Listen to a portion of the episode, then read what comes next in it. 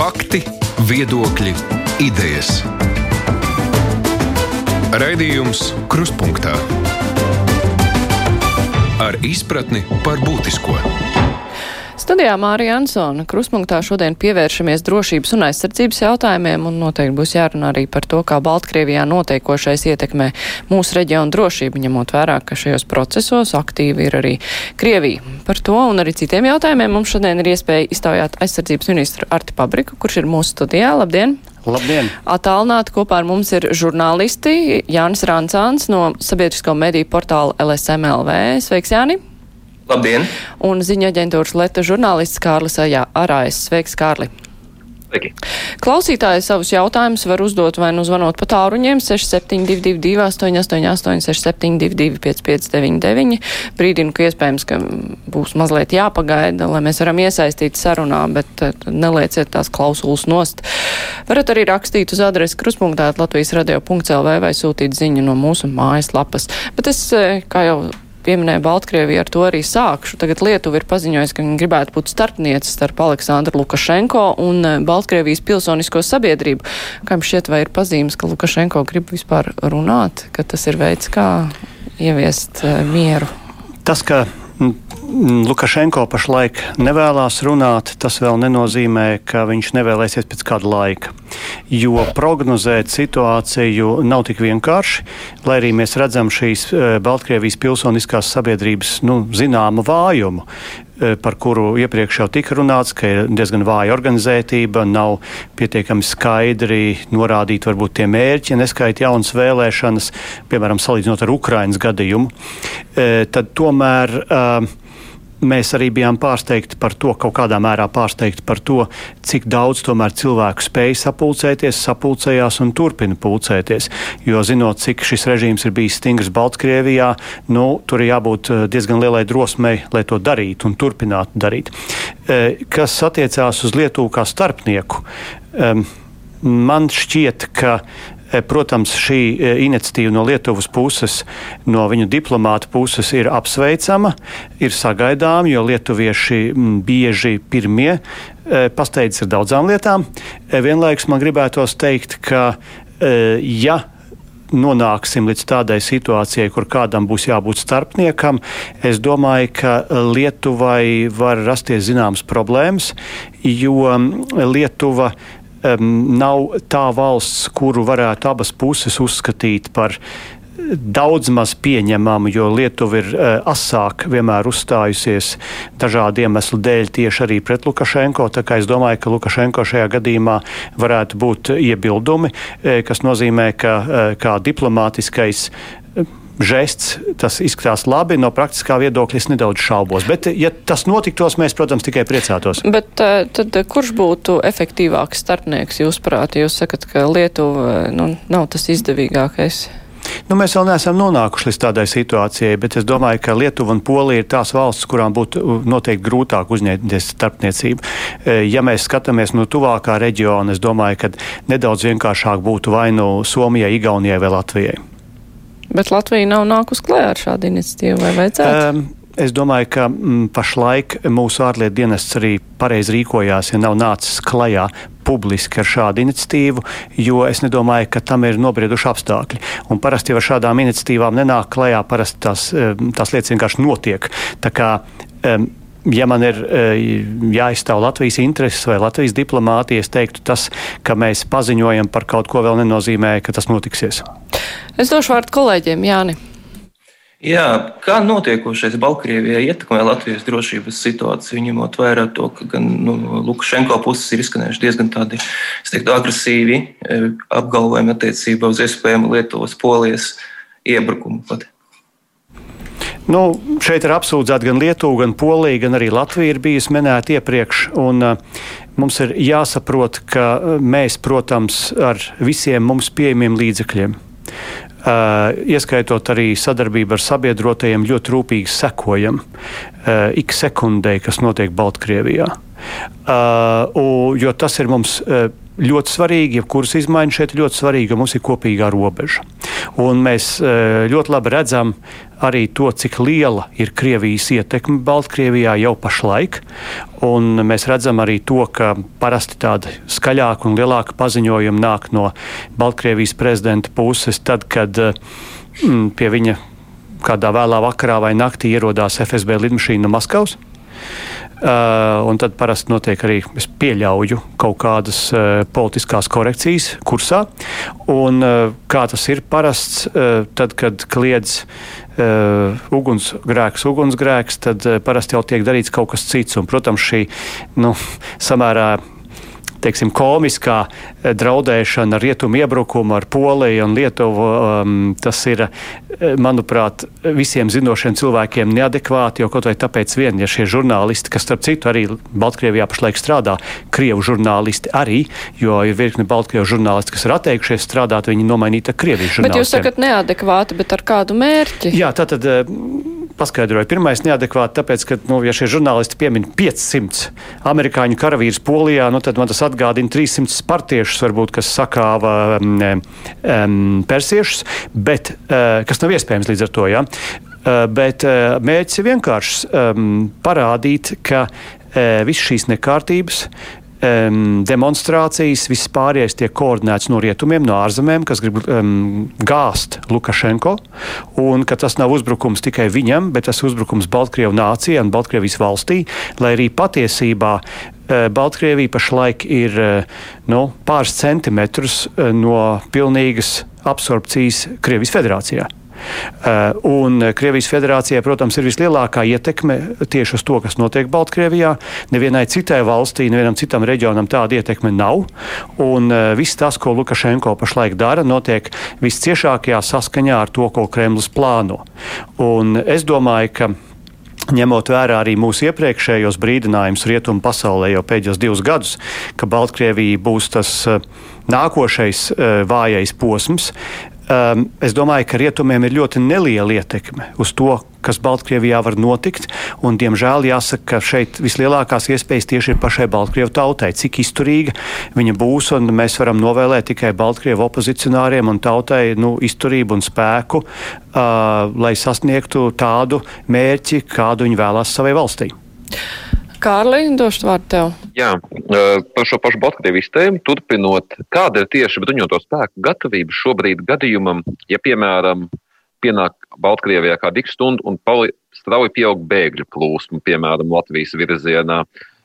Kā arī otrs jautājums par šo pašu tēmu. Cik rūpīgi NATO un Latvija kopā šobrīd pieskat notiekošo suvalku koridoru reģionā, un vai, tur sask vai Latvija tur saskata kādus draudus arī potenciāls nākotnē, tieši šis koridors varētu tikt aizvērts? Ļoti labi jautājumi, paldies. Es sākšu ar otro. Suvalku koridors.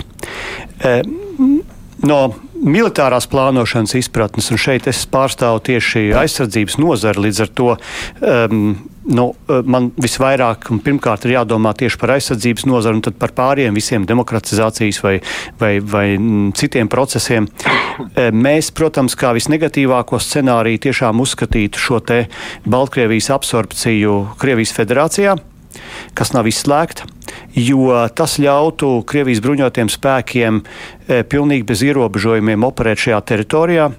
Un tas radītu uh, uzreiz papildus apdraudējumu gan uh, Suvalku koridoram, gan arī Latvijas robežai. Jo vienkārši viena valsts pārstāt eksistēt, un tā būtu tikai Krievija ar visu savu militāro plānošanu.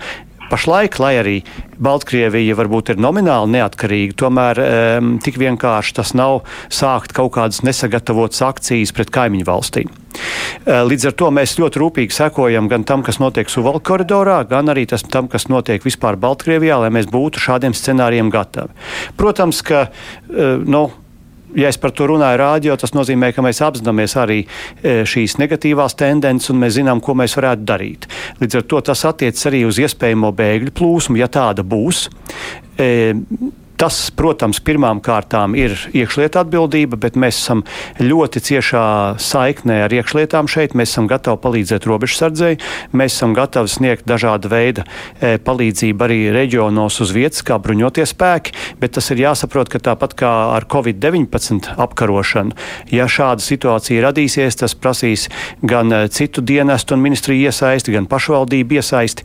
Un man vakar arī bija saruna ar Varšavu, ar Frontex, kas ir Eiropas Savienības ārējā robeža, ne par šo jautājumu kā galveno, bet mēs pārnājām arī šo jautājumu ar Frontex vadītāju. Un es domāju, ka Eiropas Savienība šīs institūcijas veidolā būs noteikti arī gatava sniegt Latvijai palīdzību, ja mēs līdz tādai situācijai nonāksim. Un ne tikai Latvijai, bet arī Lietuvai vai Polijai, ja kaut kas tāds būs. Pašlaik es gribētu uzsvērt nekas par ko tādu vēl neliecina, bet mēs nekad nevaram šo situāciju izslēgt. Bet kas attiecās vispār uz tādu migrāciju, es domāju, ka mums tomēr šajā mirklī ir jāizmanto visas tās nacionālās iespējas, un tas, diemžēl, nav manā e, pakļautībā, bet visas iespējas, lai mēs tiešām uzaicinātu um, tos Baltkrievijas pilsoņus, kuri ir opozīcijā kaut kādās vadošās rindās un kuri vairs nespēja kaut kādiem dēļ fiziski tur uzturēties, arī būt Latvijā kā politiskie bēgļi. Es zinu, ka šis process nelielā plāksnē, bet noris. Es domāju, ka mums jāsniedz palīdzība arī brīvajam biznesam Baltkrievu, jo uh, viņam kaut kur ir jāiet un autoritārā valstī viņš uzturēties nevar. Un no šāda viedokļa Latvijai tas ir jādara, lai viss neaiziet teiksim tā, arī uz Poliju vai Lietuvu, jo tas ir arī mūsu ekonomiskajās interesēs. Un šeit ir eh, samērā daudz problēmu, kas mums būtu jārisina uz eh, vietas, jo pašlaik, teiksim, tāda tāda biznesa atvēršana, eh, viņu pieņemšana, ņemot vērā dažādu mūsu institūciju ierobežojumus, nemaz nav tik vienkārši. Un trešais būtu augstskolas, kur es domāju, mums jāpiedāvā ir eh, šīs stipendijas Baltkrievijas studentiem, kas būtu atbalsts gan Latvijas augstskolām, gan arī brīvai domai tieši Baltkrievijas pilsoņu vidū. Jā, bet tā pavērojot, kas šobrīd notiek Baltkrievijā, cik strauji mainās situācija, un kā jūs iepriekš minējāt, arī atkarībā no tā, ar ko Lukašenko ir runājis iepriekšējā vakarā, arī kā policijas attieksme mainās. Vai jūs pieļaujat iespēju, ka Krievija varētu kādas militāru personas ievest Baltkrievijā, jo Putins jau teica, ka viņiem ir kontingents, kuru ievest hm. gadījumā, ja situācija tur kļūst nekontrolējama. E, protams, ka Krievija to var izdarīt, un e, nelielos e, apjomos jau šie cilvēki, es domāju, Baltkrievijā uzturās, bet tas vairāk saistīti ar izlūkošanu, ar drošības spēku struktūrām, bet nav lielās armijas vienības, jo šai mirklī, protams, Lukašenko tiek ar esošiem izaicinājumiem galā. Tuvākajā laikā sāksies tā saucamā mm, inaugurācija arī pēc kaut kādas nedēļas laikam vai nedaudz vēlāk. Uh, varbūt tas arī radīs kaut kādu atkal papildus sāsnājumu tieši sabiedriskajā spriedzē Baltkrievijā, bet uz šo mirkli arī pateicoties Krievijas atbalstam un šim represīvajam mehānismam un opozīcijas varbūt tās ne ļoti augsti, augstam organizētības līmenim, nu, viņš pagaidām daudz maz tiek galā un, protams, ka mācoties no citiem diktatoriem, tādiem kā Sīrija un citur, nu, būtu ļoti grūti paredzēt e, tā tādu scenāriju, kur viņš pats piekāptos. Un šeit ir vēl viena lieta, ko daudz analītiķi ir norādījuši. Ir ļoti grūti uh, ar uh, nevardarbīgām metodēm mainīt režīmu autoritārā, totalitārā valstī, kas ir gatava jebko vērst pret saviem pilsoņiem. Tā, diemžēl, ir tāda nu, politoloģiska realitāte. Klausītājs aizrāda, ka jūs visu laiku saucat, un arī citas amatpersonas Lukašenko par prezidentu. Nu, labi, mēs varam šeit, protams, akceptēt viņu vai neakceptēt kā prezidentu, bet tā viņš pats sevi sauc. Un, jā, varam, varam nes, nesaukt, varam saukt tikai uzvārdā, bet es domāju, ka no analīzes viedokļa tas nav tik eh, nozīmīgi šai mirklī. Bet no nu, nu, kādas starptautisko tiesību viedokļa tad viņš tiek uzskatīts par prezidentu vai netiek uzskatīts par prezidentu? Uh, redziet, uh, es neesmu starptautisko tiesību eksperts, bet es gribētu teikt sekojošo. Mm, ne visas pasaules valsts ir demokrātiskas. Un eh, tās pasaules valsts, kuras nav demokrātiskas, eh, lielai daļai no viņiem um, teiksim, tā leģitimitāte nenāk no demokrātiskām vēlēšanām, bet no kaut kā cita, ja to var saukt par leģitimitāti. Un tad mēs, um, sekojot šī klausītāja teiksim, norādījumam, mēs, protams, varam nonākt līdz nākošam secinājumam, ka mums tad būtu jāsarauj diplomātiskās saiknes un vispār mēs neuzturētu attiecības ne ar vienu autoritāru vai totalitāru režīmu, kas uh, nu, pasaulē nav iespējams. Mums būs uh, jāuztur attiecības ar jebkuru Baltkrievijas valdību, kura eksistēs, ja šī valsts eksistēs, neatkarīgi no tā, ko mēs par viņiem domājam personiski, neatkarīgi no tā, cik viņi ir demokrātiski. Došu vārdu kolēģiem Jāni.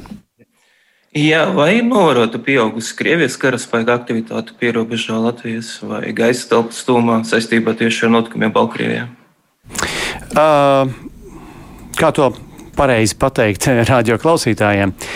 Krievijas militārā aktivitāte ir e, sporādiska, e, gan ar pieaugušiem, gan ar mazākiem tempiem. Tas ir bieži saistīts ar dažādām mācībām, un, protams, ka šīs mācības arī bieži ir saskaņots vai nu ar to, kas e, notiek kaimiņu valstīs, vai ar kādiem citiem izaicinājumiem. Ja jūs man uzdodiet tieši jautājumu par to, vai dēļ Baltkrievijas um, Krievijas militārā klātbūtne pie mūsu robežām ir palikusi draudošāka, un uh, mēs par to ļoti uztrauktos, tad šodien uh, šajā stundā es teiktu, ka nē, šai mirklī uh, viss izskatās daudz maz normāli, un papildus draudiem nav pamata. Uh, kolēģi, Kārli? Jā, Jūs jau minējāt par to attiecību uzturēšanu, un vienkārši arī gatavojoties atvedu faktu, ka pirms diviem gadiem arī Latvijā uzturējās Baltkrievijas ģenerālštāba priekšnieks, eh, aizsardzības ministra vietnieks Oļeks Belkoņevs. Un es gribēju jautāt, kādas šobrīd ir Latvijas aizsardzības ministrijas attiecības tieši ar Baltkrievijas militāro resoru, kā arī kāds bija šīs pirms diviem gadiem, kad Lukašenko vēl aizvien jau bija arī zināms kā diktators. Um. Man stājoties amatā mm, pirms mazāk kā diviem gadiem, man nav bijušas tikšanās ar uh, Baltkrievijas uh, augstākajām amatpersonām, bet, uh, protams, mēs esam kā ar kaimiņu valsti uzturējuši pieklājīgas attiecības. Un, eh, protams, ja notiek kaut kādas maiņas, eh, Baltkrievija ir bijusi viena no pirmajām, kas ir arī mani apsveikusi ar stāšanos amatā. Viņiem, kad notiek kaut kādas izmaiņas, mēs arī to darām. Um, mēs zinām arī to, ka tad, kad uh, pirms kādiem diviem gadiem bija šie ugunsgrēki uh, Latvijā, viņi arī bija gatavi sniegt mums palīdzību. Tā kā es teiktu, neatkarīgi no uh, režīma, Mēs esam vienmēr centušies ar eh, robežu valstu uzturēt eh, pragmatiskas attiecības, jo citādi vienkārši sadzīvot nevar. Mums ir eh, viena kopīga robeža un mums ir jāuzmanās no dažāda veida tādām iniciatīvām, kas varētu radīt arī nedrošību mūsu valstī. Un tas ir ļoti nopietni. Tā kā mums nav uh, aizsardzības resoru līmenī, mums nav pašlaik nekādas izteiktas sadarbības, un to ir ļoti grūti veikt, jo mums nu, vienkārši ir, mēs saprotam, kas Baltkrievija daudz kur kontrolē, un tā ir Krievija. Uh, bet uh, vienlaikus mēs esam pieklājīgi un pietiekami draudzīgi pragmatiskas attiecības ietver sevī hokeja čempionātu kopīgu rīkošanu ar Baltkrieviju? Kā jums šķiet? Eh, nu, bruņoties spēki pirmām kārtām Latvijas bruņoties spēki nerīko šo čempionātu. Ne. Eh, mēs kabinetā mm, um, esam arī eh, lūkojušies uz šo jautājumu, ja es pareizi atceros, un uh, uh, es teiktu, ka ne pašreizajā situācijā mums to darīt nevajadzētu, bet uh, man ir jāsaka, ka Uh, tas nav tikai Latvijas lemšanā, tas ir Starptautiskās hokeja federācijas lemšanā, un šeit izglītības ministrijai vajadzētu rīkoties. Ja viņi jau to nav darījusi, manuprāt, ir uzrunāt Starptautisko hokeja federāciju. Es domāju, ka pareizais solis šeit būtu esošajā situācijā e, paziņot Starptautiskajai hokeja federācijai, lai viņa izvērtē visus riskus, kas saistās ar čempionātu organizēšanu Baltkrievijā un atrod uh, Latvijai jaunu partneri. Un, ja viņi jaunu partneri nevar atrast, tad mums būtu bijis jābūt gataviem tikt galā ar šo uzdevumu vieniem pašiem. Kolēģi, Jāni. Jā, vai varētu tikt lūgta lielāka sabiedroto karaspēka klātbūtne Baltijā Latvijā, ja situācija Baltkrievijā turpinātu pasliktināties? Um, šāds lūgums jau ir izskanējis bez situācijas pasliktināšanās Baltkrievijā, jo mēs zinām, ka pēdējos desmit gados un vairāk ir tomēr izveidojusies zināma asimetrija starp tiem Krievijas bruņotajiem spēkiem, kas ir Baltijas pierobežā, un uh, mūsu pašu bruņotiem spēkiem un mūsu sabiedroto bruņotiem spēkiem. Līdz ar to mēs uzskatām, ka, lai mēs spētu garantēt uh, pilnīgi tādu pašu drošību visiem Latvijas pilsoņiem, kā tas tiek garantēts varbūt tās Vācijas, Spānijas vai Itālijas NATO valstu pilsoņiem. Mums šeit būtu jābūt pastāvīgiem sabiedroto spēku klāt, klātbūtnei ar lielākiem spēkiem nekā līdz šim. Es esmu tādēļ arī uzrunājis Vašingtonu, lai viņi apsver iespēju šeit. Mm, Tāpat tās kā Polijā stacionēt zināmu ASV karaspēka daļu. Es domāju, ka sarunas būs grūtas un garas, bet mēs ceram, ka viņas kaut kad vainagosies panākumiem. Un, protams, tas nekādā veidā šie lūgumi un šīs prasības. Man šodien ar no rīta bija viena tikšanās ar augststāvošu NATO virsnieku tieši par šo jautājumu. NATO to saprot, bet tas nekādā gadījumā neatsver mūsu pašu nepieciešamību maksimāli sagatavot mūsu pašu bruņoto spēkus un armiju. Un ir daudz lietas, kas mums ir jāizdara pašiem mājās, jo tikai izdarot to, mēs varam cerēt arī uz lielāku atbalstu no sabiedrotajiem. Klausītājs vaicā, atceroties, ka Krievi ir ieinteresēti sēt Eiropā paniku, izmantojot mūsu bailes no bēgļiem, vai Putins nevarētu būt ieinteresēts provocēt pilsoņu karu Baltkrievijā? Es domāju, ka nē, jo lielā mērā jau e, Baltkrievijas notikumi ir arī lakmus papīrīts pašai Krievijai. Jo nedodievs e, Baltkrievijas pilsoņu teiksim, tā, pēdiņās demokrātijas slimība Eh, tiks eh, pārnesta kā infekcija uz Krievijas eh, sabiedrību. Un ja Krievijas sabiedrība sekos Baltkrievijas sabiedrības piemēram pirms vēlēšanām dažādām vai kaut kur citur, tad es domāju, tā būs ļoti liela problēma ne tikai mums kā kaimiņiem, bet pašai Krievijai.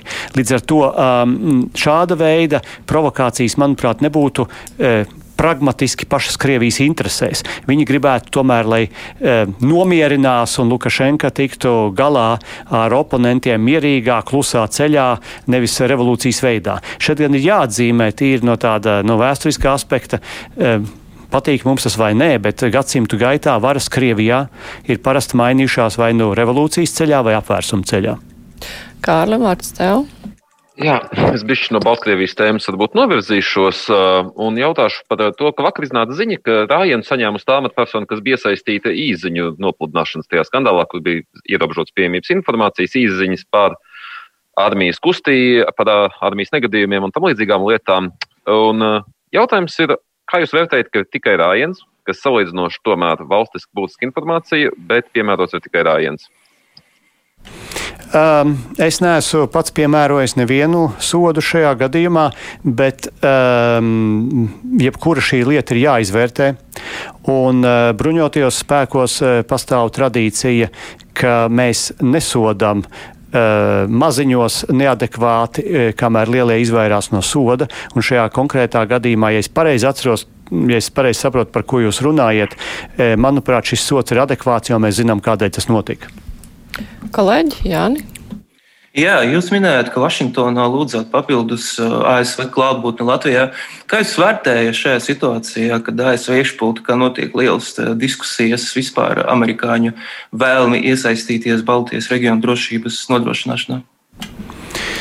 Uh. Ja es pareizi saprotu jūsu jautājumu par to, eh, kāda, cik augstā līmenī ir šīs diskusijas par iesaistu Baltijas reģionā, es domāju, ka šīs diskusijas pašlaik ASV sabiedrībā vienkārši nenotiek.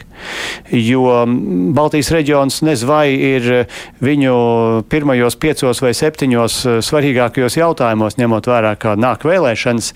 Eh, es esmu jebkurā gadījumā pateicīgs par to, ka Amerikas Savienoto Valstu aizsardzības ministrs vai aizsardzības sekretārs, kā viņi sauc, uh, uh, savā runā, kad viņš runāja par uh, spēka, spēku sūtīšanu uz Poliju patstāvīgi, uh, atšķirībā no rakstiskās runas vairākas reizes pieminēja Baltiju. Tas bija pateicoties, es uzskatu, šai manai vēstulē viņam, uh, kur mēs lūdzām to darīt. Un mums kā nelielai valstī, kas, protams, atrodas salīdzinoši lielā drošībā, sevišķi eh, ņemot vērā to, ka ir ļoti asas debats Amerikas Savienotajās valstīs par to, kurš tad būs prezidents un kā vēlēšanas norisināsies. Mums ir jāpieliek mežonīgas pūles, lai mēs vispār eh, šādu mērķi sasniegtu. Jebkurā gadījumā eh, tas nav tikai jautājums par racionālu argumentāciju, bet pirmām kārtām tas ir jautājums, lai mēs visus šos, šīs problēmas un šīs vēlmes vispār uzliekam uz kartes, ko vienkāršais Amerikas pilsonis varētu saprast. Sāksim vispirms ar ekspertiem. Klausītājs raksta tā, ka vai mums nepieciešams nekārtības un naids, kas valda Savienotajās valstīs, kādu drošību tad garantēs ASV karavīri un nekādi papildus spēki x stundā līdz mums netiks. Uh, protams, ka mēs ar bažām sekojam tam, kādā veidā fragmentējās un polarizējās ASV sabiedrība. Sevišķi pirms vēlēšanām mēs ļoti ceram, ka pēc vēlēšanām nākošajā rītā tomēr šī situācija būs citādāka. Mums ir jāatcerās arī, ka Amerikas Savienotajās valstīs laiku pa laikam ir bijuši šāda veida nu, līmeņa protesti. Tie ir bijuši 60. gadi, tie ir bijuši arī 80. gadi. Tā kā no vienas puses jau it kā tas nav ļoti liels pārsteigums kā šajā sabiedrībā e, šīs lietas notiek, bet tas nav patīkami. E, tas e, nerada labu piemēru un precedentu, un, protams, ka tas ir traucējoši. Vienlaikus, lai mierinātu klausītājus, varētu pateikt, ka neatkarīgi no šiem protestiem uz dažādu, dažādu pilsētu ielām vai dažādu pilsētu ielās, Pentagons un Amerikas bruņotie spēki zina, ko dara. Viņi ir pietiekami mierīgi Un, uh, mums ar viņiem ir arī patstāvīgs un labs kontakts, un viņi spēs norēģēt, jo viņi nav aizņemti dažādu nemieru novērošanā vai apspiešanā. Viņi varēs izdarīt to darbu, kas no viņiem tiks prasīts, ja gadījumā mums nāksies uh, lūgt viņu palīdzību. Kolēģi, Kārli, laikam. Ja? Jā, mm, par zemesardzi gribu pajautāt. Tas, ka tikko apstiprinātajā valsts aizsardzības koncepcijā norādīts, ka 27. gadam tad vajadzētu 12,000 savukārt valsts kontroli Viens secinājums, ka šobrīd tas aktīvais skaits ir ap 8000. Tātad man jautājums, vai jūs, prāt, vispār realistiski ir iespējams septiņu gadu laikā vēl 4000 zemesargus? Paldies par labu jautājumu. Tas ir liels izaicinājums, uh, bet uh, sevišķi arī ņemot vērā mūsu demogrāfiju, bet vienlaikus mēs tomēr gribam šo augsto latiņu paturēt, jo nav jau jēgas latiņu nolaist tik zemu, ka mēs nevaram pārkāpt pāri. E, mums vajag trenēties, lai mēs šos 12 tūkstošus sasniegtu. Mēs joprojām ceram, ka mēs to spēsim izdarīt. Mums tam ir jāpietuvojas, bet arī tāpēc mums ir pašiem jārāda piemērs un, un mums arī ir jāveic laiku pa laikam šī nu, kampaņa. Mums ir cilvēkiem jāstāsta, cik tas ir svarīgi domāt par savas valsts drošību Eh, stāties zemesardzēs. Arī pašlaik gribētu aicināt cilvēkus, gan vīriešus, gan sievietes, gan jauniešus stāties mūsu Latvijas zemesardzē. Tas jums palīdzēs, un tas palīdzēs valstī. Eh, mēs, protams, daža, darām dažādas lietas, lai šo skaitu palielinātu. Eh, viens no tiem ir arī lēmums, ko saima apstiprināja, ka mēs palielinam um, zemesardzē iesaistīto vecumu, kas vairs nebūs 55 gadi, bet 60. Mēs aktīvāk centīsimies, un tā ir arī mana politika, aktīvāk centīsimies izmantot arī veterānus, kas kļuvuši par veterāniem, pirms tam bijuši aktīvi zemesardzē. Viņi tiks izmantot, piemēram, arī tuvākajās uh, uh, militārajās mācībās, kas jau notiek, Namais 2020. Uh, tad, uh, ja mēs runājam par valsts kontroli, tad eh, man šķiet, ka kopumā valsts kontrolas ziņojums ir uh, labs. Uh, attiecībā uz zemesardzi vienmēr ir lietas, ko mēs varam pilnveidot. Viena lieta, ko viņi vērtēja, ir arī šīs te, um, nu, manis. Uh, aktualizētās ārkārtas kaujas pārbaudes, neplānotās kaujas pārbaudes. Pagājušo gadu bijušas sešas, šogad jau ir notikušas četras, kas nozīmē, atbilstoši tieši Latvijas situācijai, mums ir jābūt gataviem saprast, cik mēs tuvākajās stundās varam cilvēkus mobilizēt, saņemt viņus, ja gadījumā kaut kas notiek.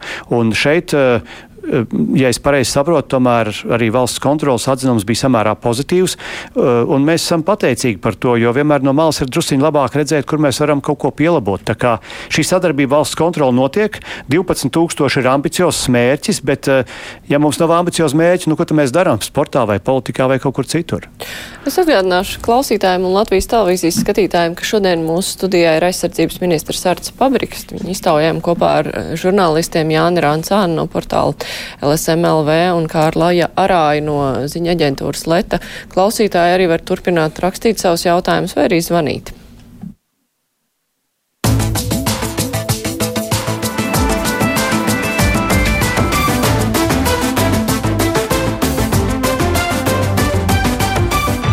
Raidījums Krustpunktā.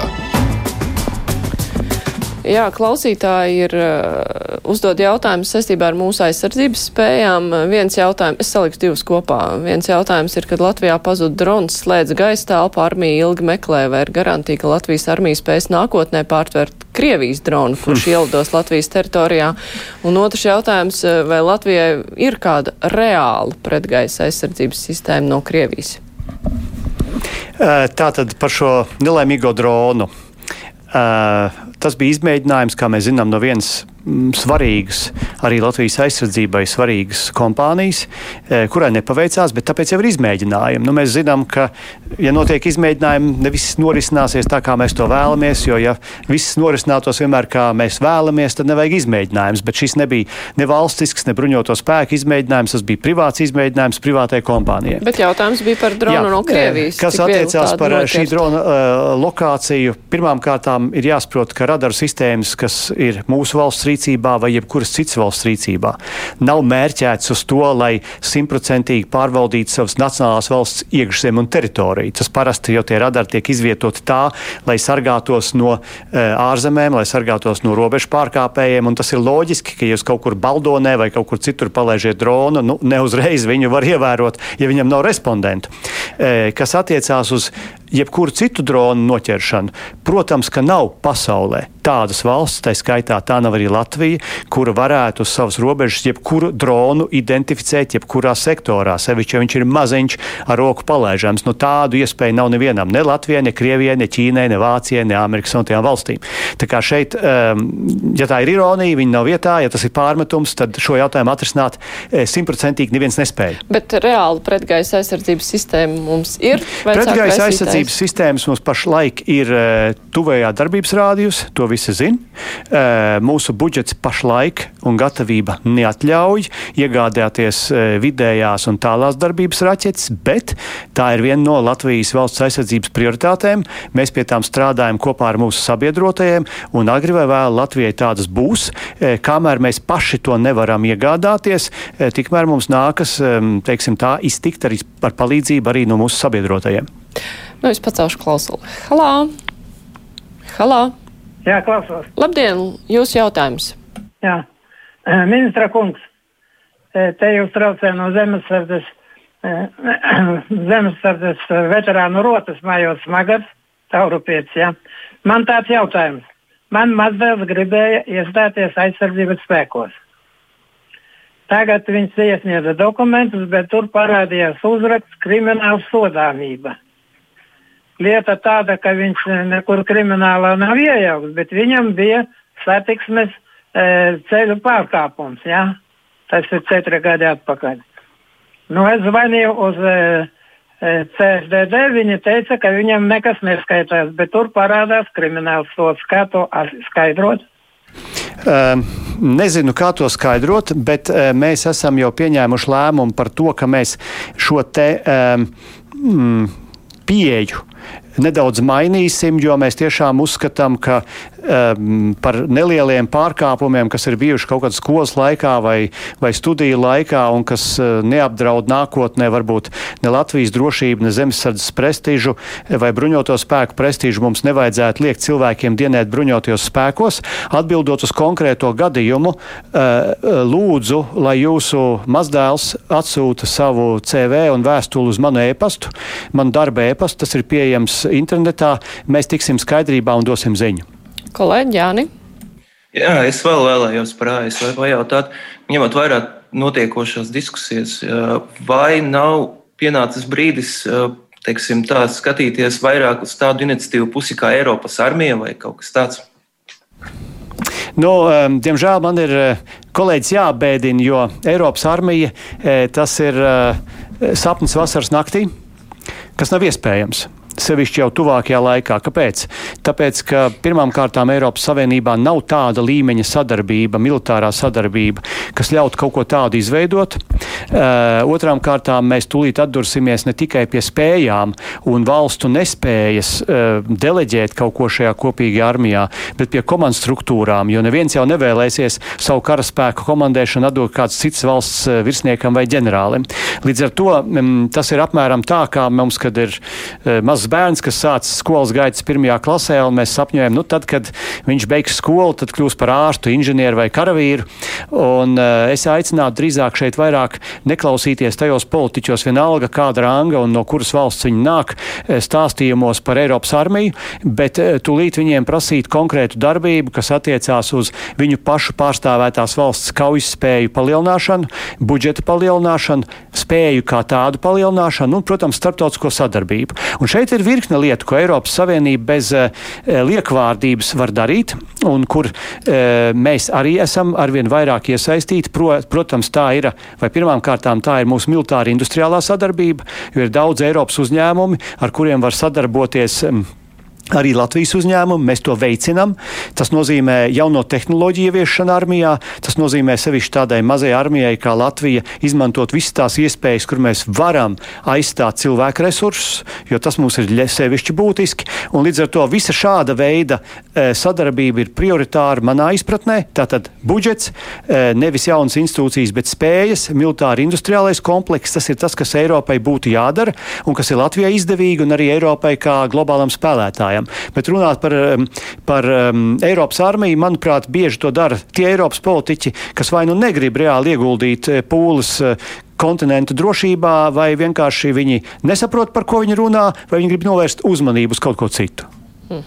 Klausītājs zvana. Halo! Eh, labdien! Labdien! Par kādām Latvijas aizsardzības spējām mēs varam runāt, ja NBS komandieru amats ir uzticēts ienaidnieku valstī, Krievijā gatavotam kādam Ļoņkam Kalniņam?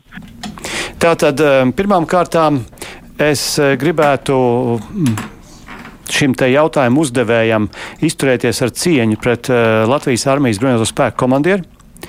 Uh, viņš bauda mm, neaprakstām uzticības starp saviem karavīriem un virsniekiem, un es pilnībā viņam uzticos.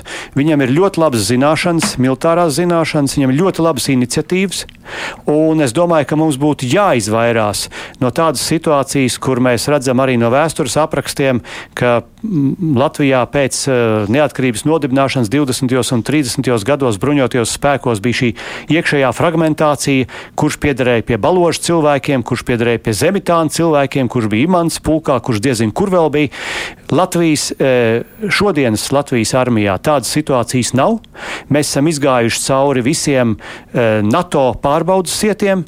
Latvijas armijā ir dienoši tikai tie virsnieki, kas ir simtprocentīgi uzticami Latvijas valstī un kur ir ar maksimāli arī e, spējīgi un atbilstoši saviem amatiem. Un tas, kas attiecās uz Leonīdu Kalniņu, tad e, man ir jāsaka, ka man ir visaugstākā uzticība viņam, un es ļoti ceru, ka viņš vēl ilgi turpinās būt komandieris Latvijas armijai.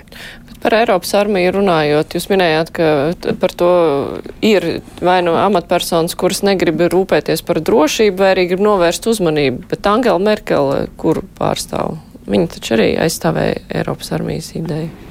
Uh, es nezinu konkrēto gadījumu, kad viņi to teica. Es zinu, ka nu, no gadiem. komisijas pirms tam bija. Nu, es domāju, ka Vācijai arī ir daudz vairāk citu izaicinājumu nekā domāt par Eiropas armiju. Pirmkārt, protams, budžeta palielinājums saviem bruņotiem spēkiem.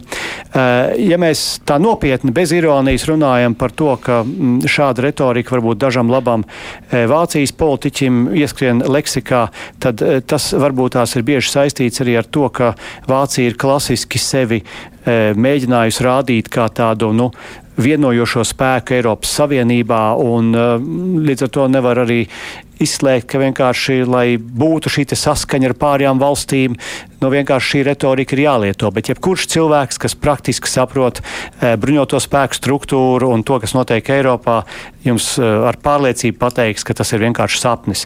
Vienlaikus es gribētu arī pateikt to, ka nu, no Vācijas puses tad arī nāk tāda izteiciena, ka e, Nord Stream 2, piemēram, tikai biznesa projekts, kas tāds nav, un mēs redzam, ka pašlaik arī atsevišķi Bundestāga komisijas vadītāji Vācijā beidzot sāk runāt par to, ka varbūt Nord Stream 2 nemaz nav Vācijas interesēs. Mēs par to runājam jau gadiem. Uh, vienlaikus man ir jāsaka, ka Vācija ir Latvijas viens no labākajiem sabiedrotajiem, un mēs ļoti ceram uz intensitātes pieaugumu sadarbībā starp Latviju un Vāciju arī militārajā aspektā. Tas mums Latvijai ir vajadzīgs. Kolēģi Kārli? Jā, es gribētu par bruņotajiem spēkiem kopumā pajautāt, Kā jūs vērtējat, kas šobrīd ir tās būtiskākās vājās vietas, gan politiskā, gan arī tīri praktiskā ziņā mūsu NBS?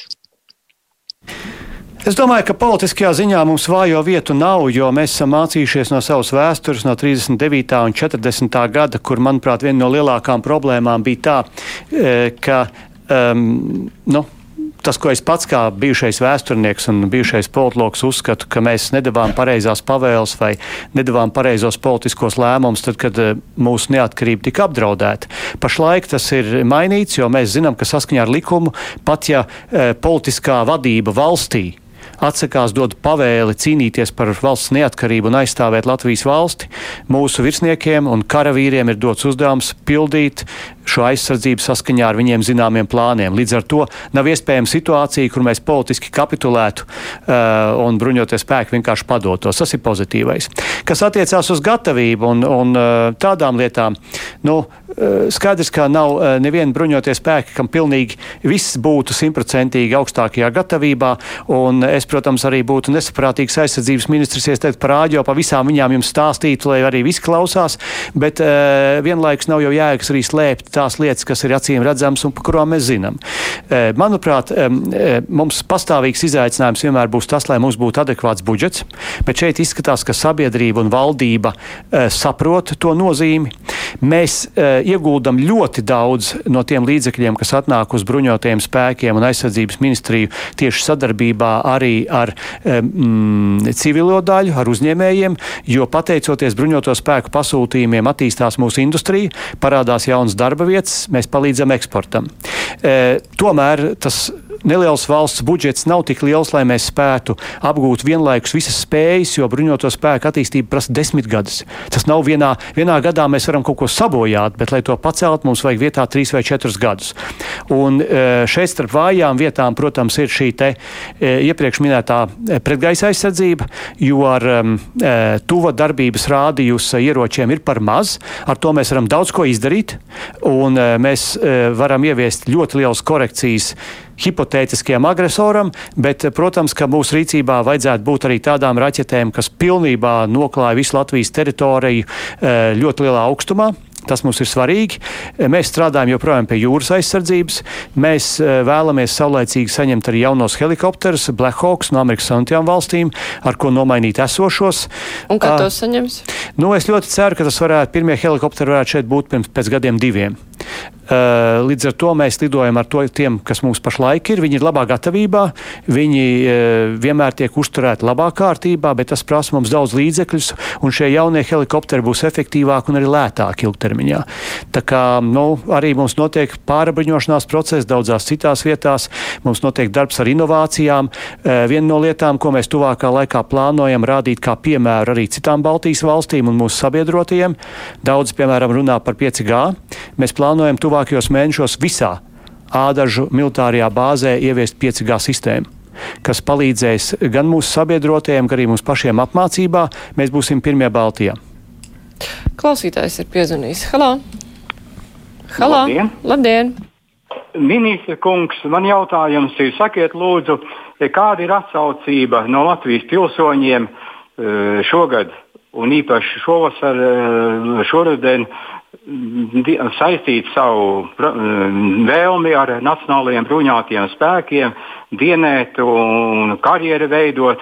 Un kā tas notiek no paša sākuma līdz kļūst par NBS e, profesionāli karavīru? Un vai ir jaušamas kādas izmaiņas sakrā ar notikumiem Baltkrievijā, e, kur, kur, kur Krievijas Putins un Baltkrievijas Lukašenko skaļi ielīdināmies plātījās par, ap, par iespējamiem nu, kopīgiem bruņotiem spēkiem un pat militārām darbībām.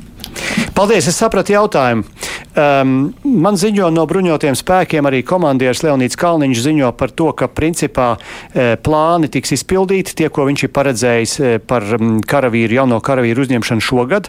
Vienlaikus e, m, tas. E, teiksim, tā, tas skaits vai tā interese ir nedaudz mazāka nekā, piemēram, tas bija Ukraiņas kara, Ukraiņas krīzes laikā.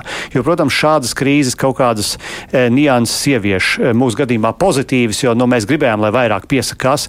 E, Baltkrievija vēl nav atstājusi redzamu iespaidu, bet e, labi, ka jūs šo jautājumu uzdevāt. Es būtu ļoti priecīgs, un es šeit arī gribētu paziņot, ka mums ir viena no galvenajām prioritātēm starp daudzajām ir valsts aizsardzības mācības ieviešana Latvijas skolās sākot ar 20, 2024. gadu.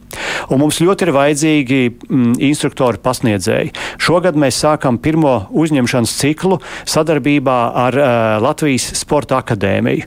Vēl ir brīvas vietas, un uh, visi tie, kas vēl jūtās uh, gana ieinteresēti, gana spēcīgi, kas varbūt ir iepriekš kaut kur dienējuši, ar kaut ko nodarbojušies, sevišķi arī tie, kuriem ir varbūt tās jau kāda pedagoģiskā izglītība vai grāts, ir aicināti, jo uh, šis arī ir ambiciozs proje projekts, un es domāju, ka tie cilvēki, kas pieteiksies, nenožēlos, ja viņi iegūs šo maģistra grādu un spēs pēc tam arī veiksmīgi strādāt sadarbībā ar mums skolās. Tā kā aicinu uh, kļūt par valsts aizsardzības mācības uh, pasniedzējiem. Mums ir eh, jā, maz laika palicis 5 minūtes. Klausītājs grib saprast, vai būs jaunsargu uzņemšana šogad, jo saistībā ar Covid instruktoru nezinu, būs, nebūs. Uh, nu, jaunsargi, uh, manuprāt, uh, tiek uzņemti patstāvīgi, un es domāju, ka mums šogad arī dēļ tā nebūs ierobežojumi. Mēs arī, protams, ka mēs nevaram parīt, pali, paredzēt, kā Covid-19 attīstīsies nākošajos mēnešos, bet mēs plānojam arī, tā kā līdz šim, arī ar zināmām korekcijām, protams, arī 11. un 18. novembra parādas. Līdz ar to es neesmu pārbaudījis, bet es domāju, ka šai uzņemšanai būtu bijis jābūt. Kolēģi, Jāni. Jā, oktobrī saimā vajadzētu nonākt jaunajai valsts aizsardzības koncepcijai. Varat ieskicēt, kas tur apmēram tiek paredzēts, kaut kādas izmaiņas salīdzinot ar iepriekšējām? Uh, valsts aizsardzības koncepcija tiek pielabota katru uh, teiksim, periodu, un šajā konkrētajā gadījumā uh, mēs esam pievērsuši lielāku sadarbību. Teiksim tā, šeit nāk klāt šī valsts aizsardzības mācība, protams, jā. Mēs esam pievērsuši lielāku arī uzmanību kiberlietām un arī to, kā mēs varam veiksmīgāk rīkoties apkarojot dažāda veida zaļos cilvēciņus. Tās, manuprāt, bija tās galvenās lietas, bet tās nianses nav pārāk daudz, tā kā m, pēc būtības jau tie galvenie izaicinājumi mums nav mainījušies. Kārli?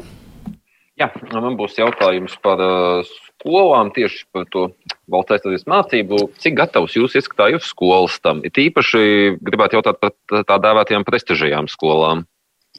Cik gatavs ir skolas valsts aizsardzības mācībai? Jā, Redziet, mums uh, uz šo brīdi notiek uh, valsts aizsardzības mācības, teiksim tā, aprobācija, eksperiments. Pagājušo gadu valsts aizsardzības mācību mācīja aptuveni 50 skolās. Šogad jau ir paredzēts vairāk kā 70. Uh, valsts prestižākās skolas jau bieži uh, saistās ar Rīgas centru, un man ir jāsaka, ka mums ir bijusi apgrūtinoša sadarbība Rīgā veidojot jaunsardzi iepriekš, bet nevis tāpēc, ka tā būtu skolu problēma vai kaut kas tam līdzīgs, bet bija objektīvais un subjektīvais iemesls. Objektīvais iemesls ir tas, ka, um, ja mēs runājam par jaunsardzi, tad uh, Rīgā jauniešiem, protams, ir daudz vairāk iespējas kaut ko citu darīt nekā lauku jauniešiem, kur jaunsardze bieži varbūt ir kādā nomaļākā novadā vienīgā lieta, ko darīt. Un otra m, problēma bija tā, ka mums Rīgas pašvaldība nebija pretīm nākoša ne jaunsardzē, ne citām lietām.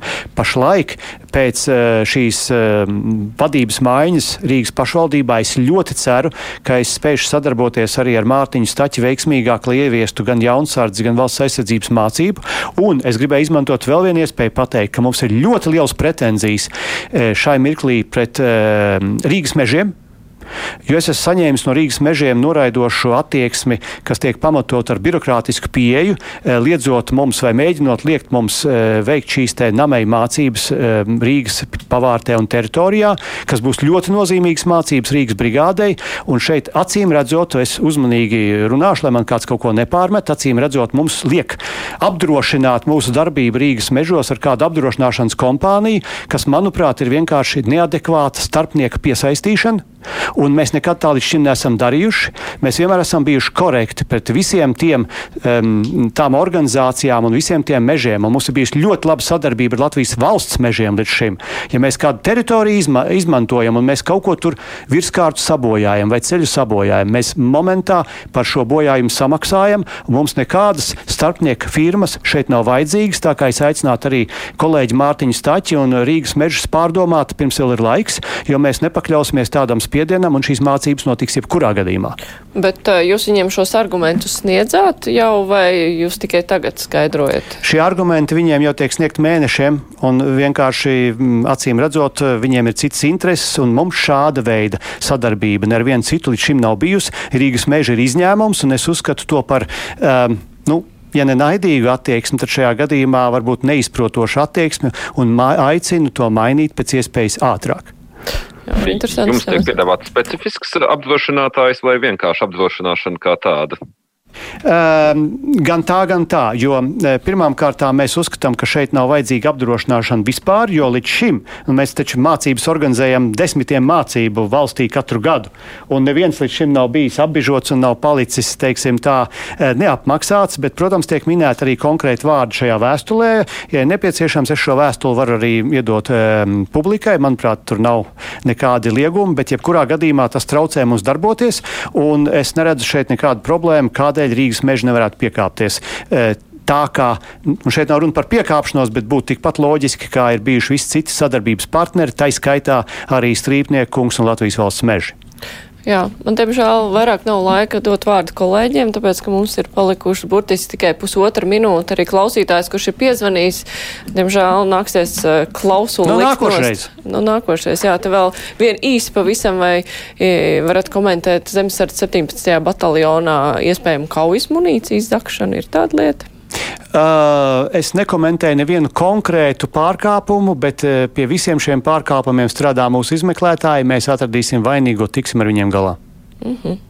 Jā, es saku paldies kolēģiem. Paldies Kārlis Arājs no ziņa aģentūras Leta, Jānis Rancāns no sabiedrisko mediju portāla LSMLV bija kopā paldies. ar mums. Paldies arī klausītājiem un, protams, aizsardzības ministram Artim Pabrikam. Studijā bija Mārija Ansona, savukārt raidījuma producente Evija Unāma. Mēs savukārt tiekamies piekdien. Vislabāk!